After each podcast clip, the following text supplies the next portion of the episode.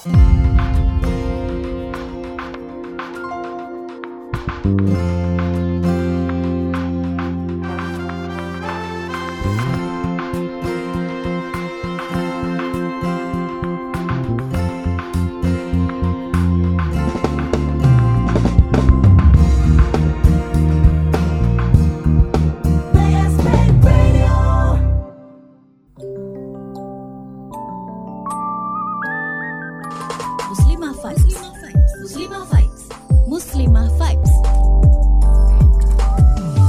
5 Vibes. Sudah hadir di sini Ustazah Sukma. Assalamualaikum Ustazah. Waalaikumsalam. Eh, kabar baik Ustazah ya? Alhamdulillah baik. Baik sekali. Baik, hari ini kita mau ngobrol tentang apa nih di Muslimah Five? mau ngobrol tentang bab melahirkan. Melahirkan. Iya, pasti wanita, ibu-ibu hamil, mm -hmm. kalau yang sudah menikah tentu saat itulah yang dinanti-nantikan oleh seorang wanita. Iya. Yang dinanti ya. Banyak yang menantikan di mana-mana. Hmm. Pas punya anak, anaknya Eh, diomel-omel, dibuang. dibuang, di- Ada yang dibuang, ada yang dimatiin. Ya Emang Allah. lilin. Ya Allah. Nah itu gimana Ustazah? Silahkan Ustazah waktunya. Ya, Bismillahirrahmanirrahim. Hmm, Bab melahirkan masa kehamilan minimal masa hamil adalah enam bulan lebih sedikit.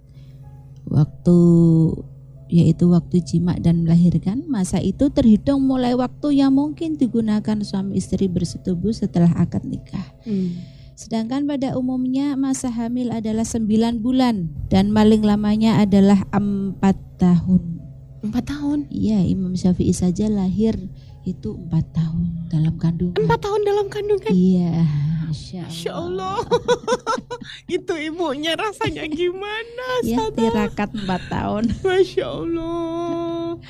Sembilan Eh, bulan aja udah. Udah, nggak enak ya tidur miring nggak enak, terlentang nggak enak, Tengkurap apa? tengkurap apalagi ya. Rasanya sesak semua. Itu sampai empat tahun. Empat tahun. Subhanallah ya. Subhanallah. Sehingga jika ada bayi yang lahir setelah masa enam bulan lebih sedikit setelah pernikahan maka nasabnya ikut pada suami. Hmm. Demikian pula jika lahir sebelum empat tahun dari masa cerai atau wafat, hal ini terhitung lahir sebelum masa masa apa ya masa enam bulan setelah per eh ini maaf eh, lihatnya keliru nih. Mm-mm. Hal ini terhitung dari masa mungkinnya hamil atau wafat. Mm-mm. Berbeda jika setelah lahir sebelum masa enam bulan setelah pernikahan atau setelah empat tahun dari perceraian atau wafat maka nasabnya tidak pada suami. Jadi semisal ada seorang sepasang suami istri Mm-mm. dari pernikahan ya kemudian kok jarak kelahirannya itu belum mencapai enam bulan sudah lahir bayinya Mm-mm. maka anak itu nasabnya maaf tidak ke ayahnya, Hmm. tidak ke suaminya, meskipun itu secara DNA adalah Anaknya. ayah kandungnya, tapi Hmm. secara hukum fikih Mm-mm. usia kandungan itu minimal enam bulan Setelah akad. setelah akad. Itu berarti eh, apa ya hubungan di luar nikah bisa Iya. seperti itu. ah. Jadi kalau sebelum menikah kemudian melakukan maaf ya hubungan suami istri Mm-mm. sampai hamil, kemudian baru ketahuan Mm-mm. berapa bulan Setelah. kemudian itu nikah Mm-mm. nikah secara resmi Mm-mm. ternyata kok lahirnya belum mencapai enam bulan dari pernikahan kok sudah, Sudah lahir. lahir, Mm. meskipun suaminya itu adalah ayah asli Mm-mm. kandung dari anak dari anak tersebut Mhm. tetapi menurut syariat itu bukan ayah maksudnya nasabnya tidak ke ayahnya berarti nasabnya ke siapa ke ibu maka otomatis ayah ini tidak bisa menjadi wali Wali nikah Nah, nantinya. wali nikahnya kalau lahir perempuan, Perempuan. kalau laki-laki tidak masalah karena Hmm. tidak butuh wali tuh laki-laki. Dan nanti pun kelak ketika ayahnya meninggal dia tidak termasuk golongan ahli waris.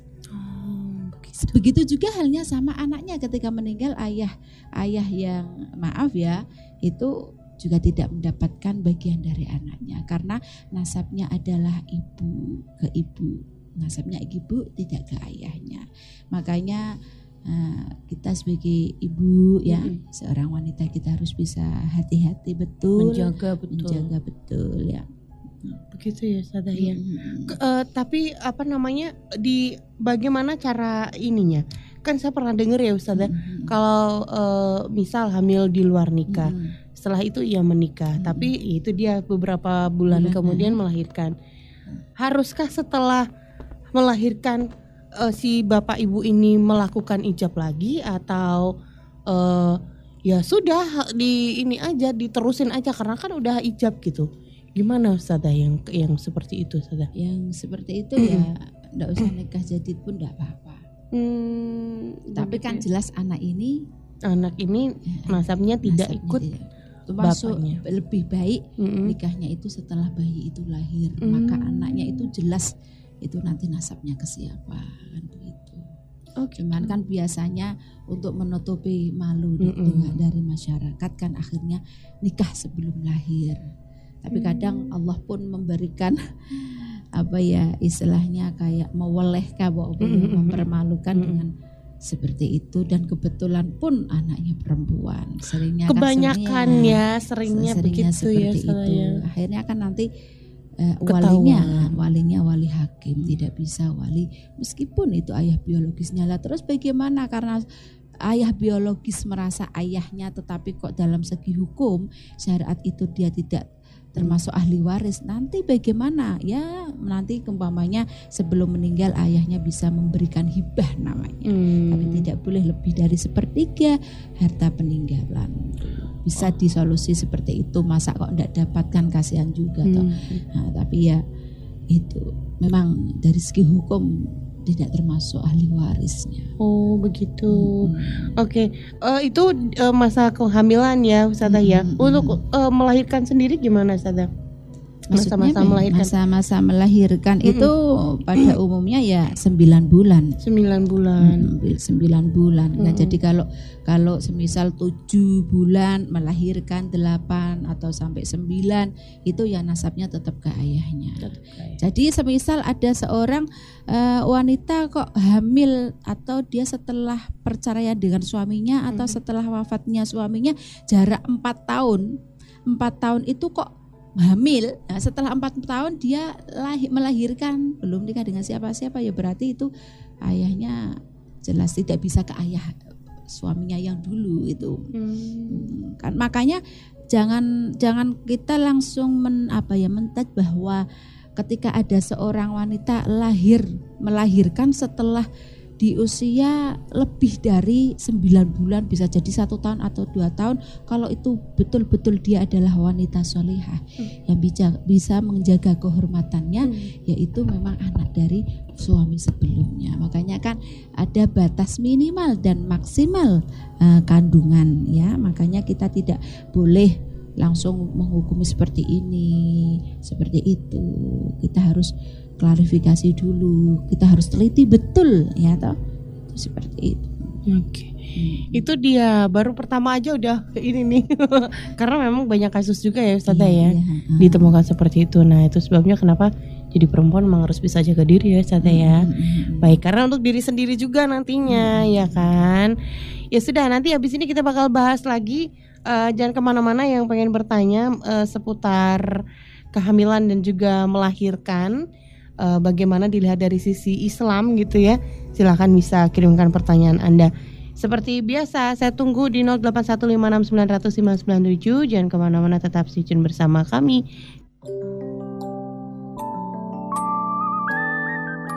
Muslimah Vibes. Muslimah Vibes. Muslimah Vibes. Muslimah Vibes.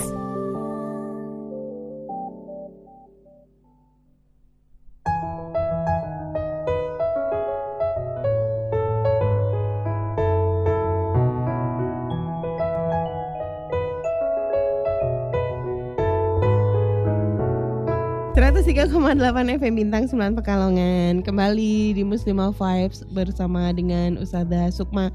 Usada, tadi eh, masa kehamilan kan sudah ya. Terus eh, ini tentang eh, oh, melahirkan juga sudah ya.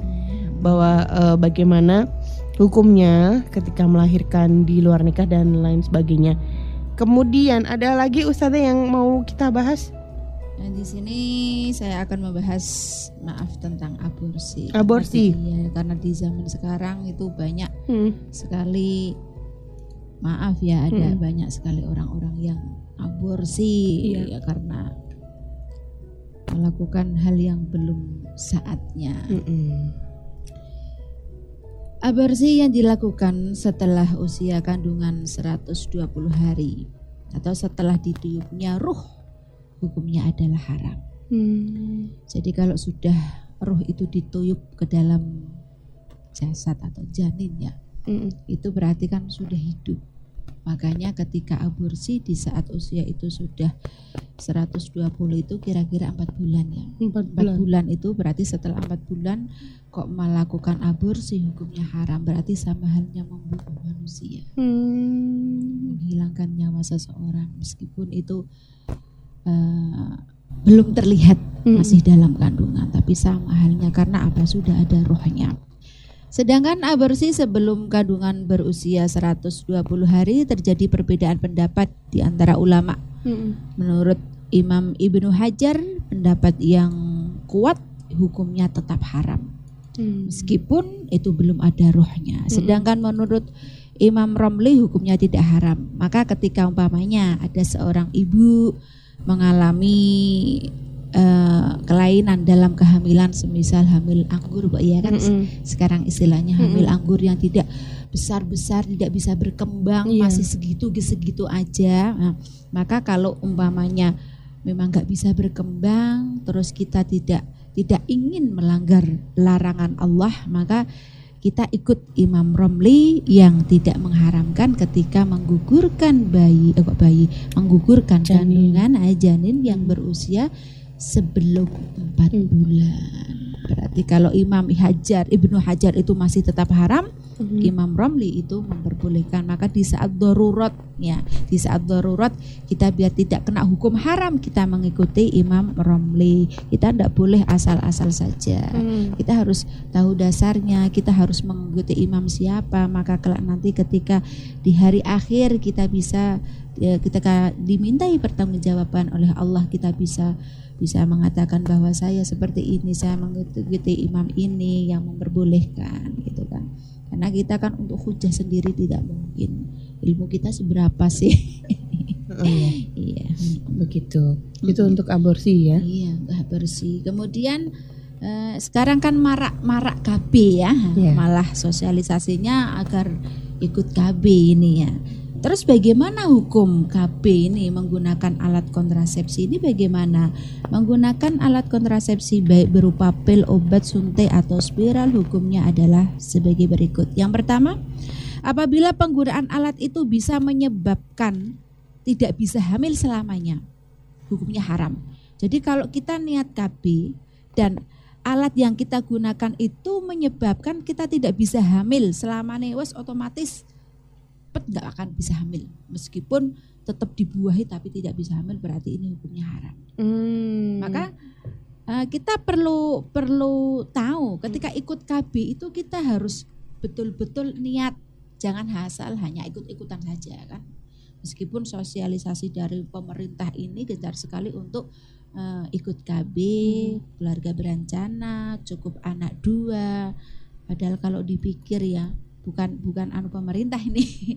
kalau dipikir anak dua ketika sudah tua ini dua satu di Jakarta satu di Surabaya ini aduh tidak ada siapa-siapa ini. ya itu yang pertama. Jadi kalau memang memutus kehamilan ya jadi memang alat itu akhirnya me- menyebabkan tidak hamil sama sekali maka hukumnya haram Hmm. Maka kita bisa mencari alat yang lain yang masih memungkinkan untuk bisa hamil apabila penggunaan alat kontrasepsi hanya untuk memperpanjang jarak kehamilan dan tidak ada udur maka hukumnya makruh jadi tidak ada udur sama sekali biar jaraknya itu eh, tidak tidak apa tidak terlalu cepat ya toh. maka itu hukumnya mah makruh. Makruh ini kalau memperpanjang dan tidak ada udur. Lah apabila penggunaan alat itu untuk memperpanjang jarak kehamilan dan dilatar belakangi di, dilatar belakangi oleh adanya udur seperti demi kemaslahatan merawat anak, khawatir nanti anaknya terlantar ya, maka di sini hukumnya tidak makruh, mubah boleh ya. Boleh. Jadi ada hukum tiga, satu haram, satu makruh, yang ketiga adalah tidak makruh. Kalau haram memang memutus kehamilan. Berarti kan kalau memutus kehamilan sama halnya memutus takdir Allah, memutus kehendak Allah, maka itu jelas haram. Kemudian kalau ja- memperpanjang jarak dan tidak ada udur sama sekali, pokoknya jaraknya aduh ah mak suwi mak jo mak ojo ndang dua anak Mm-mm. biar bisa happy happy umpamanya. Tidak ada udur sama sekali umpamanya. Hmm. Nah maka ini hukumnya makruh. Yang tidak makruh bagaimana? Enggak ada yang sunnah sih mau mubah tok. Mubah itu boleh. Mm. Ketika memang tujuannya untuk merenggangkan jarak ke kehamilan, Mm-mm. di samping itu tujuannya agar bisa merawat anak dengan baik, agar bisa mendidik mereka, Mm-mm. tidak anak kita tidak terlantar, maka itu boleh. Maka ketika kita niat KB, itu mau ikut KB, kita Mm. harus niat. Mm. Ini harus diniati apa? Oh iya. Karena eh, segala sesuatu itu adalah tergantung dari niatnya. Iya. Innama Ada a'malu Malu? binniat. Jadi tergantung dari niat kita. Betul. Nah, kalau kita ibadah niatnya pamer ya tidak dapat pahala ya toh. Mm. Kita apa namanya apa ya ketika kita memakai baju Mm-mm. tujuannya untuk menutup aurat maka dapat pahala tapi ketika kita memakai baju tujuannya untuk pamer ya ya otomatis tidak dapat pahala gitu kan semuanya tergantung dari niat kita maka ketika kita ikut KB kita tata niat kita betul-betul agar tidak terjadi keharaman tidak terjadi makruh kalau makruh itu kan eh, kita mm, lebih baik Mm-mm. itu kita hindari Mm. ya toh? karena kalau kita tidak melakukan dapat pahala kalau melakukan ya tidak dosa itu Mm. cuman kalau tidak melakukan dapat pahala kalau mubah itu kan boleh-boleh saja Mm. boleh-boleh saja makanya ketika kita ikut eh, KB entah itu pil entah itu suntik entah itu IUD implan dan Hmm. lain sebagainya maka bagi si wanita yang mau ikut KB biasanya yang yang mau ikut KB ibu-ibu ya bapak-bapaknya diperintah tidak mau ya Iya, kalau bagaimana kalau dengan penggunaan kondom KB kondom sendiri Nah, Ustazah? KB, kondom ya enggak apa-apa itu, Hmm. enggak apa-apa, boleh kan ya itu tujuannya untuk merenggangkan, Merenggangkan ya. merenggangkannya. Kalau enak lagi itu sebetulnya KB, KB sendiri. KB sendiri. KB sendiri di saat wanita ini tidak subur. Hmm. Ya. Belum pinter saya ngitungnya. Eh, apalagi ketika kita itu mennya tidak teratur susah karena Mm-mm. eh, waktu tidak subur itu setelah seminggu. Nah, jadi setelah seminggu dari dari head, Mens- uh-uh. nah, menstruasi, menstruasi Yes. satu minggu sebelum menstruasi. Kan angel di tengah-tengah itu. Oh. Di situ. Jadi, Biasanya uh, gini, di- biasanya gimana? di saat tidak subur itu maaf, Hmm. ketika tidak ada lendir Hmm. ya biasanya kan maaf ya ketika wanita itu kan kalau habis menstruasi itu masih kadang keluar lendir Mm-mm. kemudian kalau mau menstruasi itu Hmm. biasanya juga keluar Hmm. lendir ya toh nah itu di saat-saat tengah-tengah itu yang tidak keluar lendir itu yang pas waktu yang tidak subur gara-gara suami ini minta tiap hari ya ya udah pusing mau KB gimana kalau seperti itu Iya, salah ya. eh Jadi Ada. begitu. Baik, oke. Itu untuk alat KB ya Ustazah ya. iya, iya. Jadi ada yang mengatakan eh, apa namanya? haram, haram, makruh, dan boleh. dan boleh ya. Nah, dengan alasan-alasan tertentu. Alasan tertentu. Hal sepele ya Ustazah, hanya niat aja udah Udah, beda nah, ini ya. Beda, beda hukum. Beda hukumnya ya. Baiklah. Mm. Pasti ada lagi yang ingin disampaikan seputar eh, Sebetulnya masih banyak sih sunah-sunah, kemudian sunah sunah setelah melahirkan. mm, Waktunya berapa jam lagi nih? Oh, Ini- masih 10 menit ya. Iya. ya udah untuk besok saja. untuk besok Ah, saja. ah, Berarti kita mm, mesti pamit langsung aja deh Ustazah ya. mm, mm, Habis mm, ini saya masih ada commercial break, mm, mm. jadi takut nggak nyampe Iya, waktunya. mm, mm, mm. Kita mesti pamit. Terima kasih Ustazah sudah hadir. Iya. Besok mungkin bisa kita sambung lagi ya Oke, oke, Untuk oke, Rabu oke. depan. Hmm. Eh, ngobrol tentang perempuan. Hari ini kehamilan melahirkan aborsi dan juga Hmm. penggunaan alat KB. Mudah-mudahan eh, jadi tambah tahu ya. Saya Hmm. juga terus terang baru tahu Hmm. ternyata memang eh, apa namanya penggunaan alat KB tidak serta merta ya udah saya mau KB biar nggak punya anak gitu kan Hmm. ibaratnya eh, apa ya niatannya kan sudah seperti Eh, itu eh, jadi punya anak ya berarti memutus nah memutus kehendak Allah. memutus ya. kehendak Ah, ah. Allah siapa tahu di sana tuh udah dijatah berapa Ah, gitu berapa. kan Hmm. ya makanya kembali lagi ke niat berarti ya baiklah kita pamit ya Ustazah ya Iya, iya, iya, Terima iya, kasih iya, hari iya. ini Iya, saya Kira dan juga Ustazah Sukma dari Muslimah Vibes pamit dan saya juga pamit dari Familia hari ini dari kawasan Sriwijaya nomor 2 Pekalongan Kompleks Gedung Aspa Jalan T2. Kira pamit. Wassalamualaikum warahmatullahi wabarakatuh. BSP Pekalongan